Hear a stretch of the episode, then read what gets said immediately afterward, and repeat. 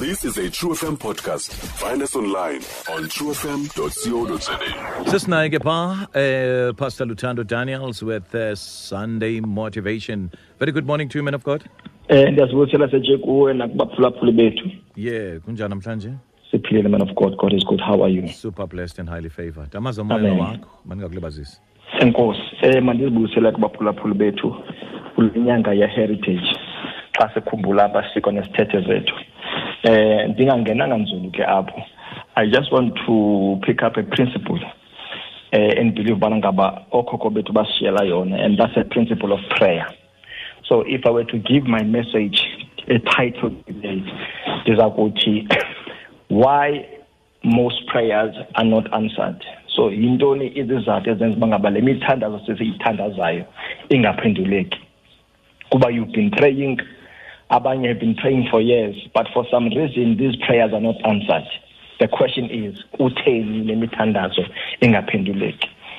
and le, le, le, le, message ifike because bengifuna understand ukuthi uh, there, there's something that I need to address but I was not sure babi intoni then ndayifumana ke ndayinikwa ke le message bangaba kha address le issue ye prayer ndayibona ke bangaba ibalekile kuthixo bangaba iphenduleke imithandazo yangathi ke uthi kum kwale mithandazo seyithandazayo it's not because akhange aphendule seyiphendule yena.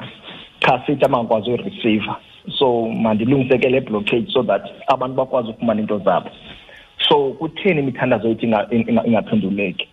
Eh isizathu ke ndiyafumana okanye i-reason eyaphuma kum iya-i-reason of carnality ukuba this is the major hindrance. Abantu abayazi ukuthi live in two worlds at the same time we live in two worlds at the same time. We live in the inner world of our thoughts, emotions, experiences, okay? The inner world. And also we live in the outer world of reality, circumstances. Now, abantu abaninzi ke enyameni because we are moved by what we see. Whatever is said, simuva. Whatever is said endabeni, simuva zinto.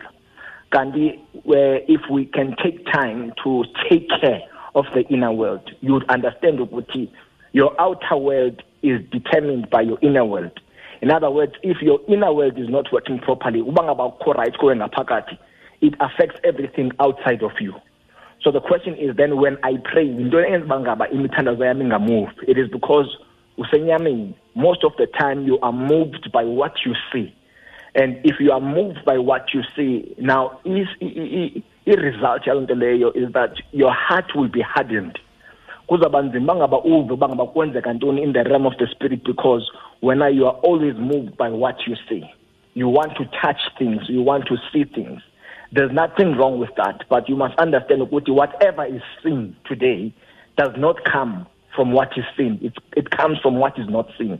Ibhayibhile ibeka ngolo hlobo so yonke into esiyi-experienceayo isuka kwilizwe lakamoya. Now if you are not acquainted with ilizwe lakamoya you become uh, hindered. Ungakwazi ukufumana into uzifunayo now masiyibhekiseke le nto escriptureni because ndithe yi-carnality so if siyapha kule ncwadi kamarko chapter 11 uh, verse 23 from verse 23 eh ibeka kamani ke apha eh ndayifunda quickly. Mark 11 verse 23 in my bible it says truly i say to you whoever says to this mountain be taken up and thrown into the sea and does not doubt in his heart but believes that what he says will come to pass it will be done for him Therefore, I tell you, verse 24, therefore I tell you, whatever you ask in prayer, believe that you have received it, and it will be yours. Ona ke iyayigqiba le nto. Ubuya ke uyapha ku-verse 25 uthi, and whatever you stand, uthi, sorry, wherever and wherever you stand praying, forgive if you have anything against anyone, so that your Father also who is in heaven may forgive you your, your trespasses. So sayibona uba ngaba ithini le nto ithi you, you must have faith to say to the mountain. So sayibona uba ngaba faith is a, is a key ingredient for answered prayers. Because if you don't have faith, you can't have what you are looking for. If you go to the book of Hebrews, uh, chapter 11, verse 1, iti, uh, now faith is the substance of things hoped for, the evidence of things not seen. So if faith becomes a, a, a, an important tool because without faith you can't receive anything. It, faith is the substance of things hoped for, the evidence of things not seen. So faith is a title deed of whatever we're looking for. So you can buy a house in Cape Town, usemonti, uyithengele ndlu, udishana namagqwetha akho, nisayine kwenza i-transference ubhatala imali.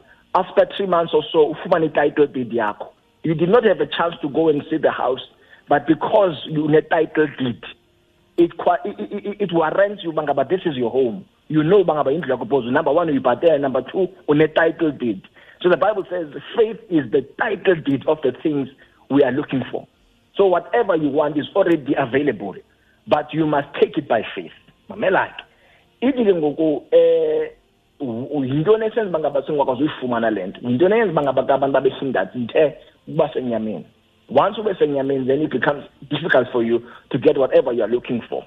So ithi apha ke ngoku whenever you pray you must believe that you have received it and you shall have it you know that's verse 24 of mark 11 whenever you pray believe that you have received it and you shall have it now le there's a difference when you pray for something.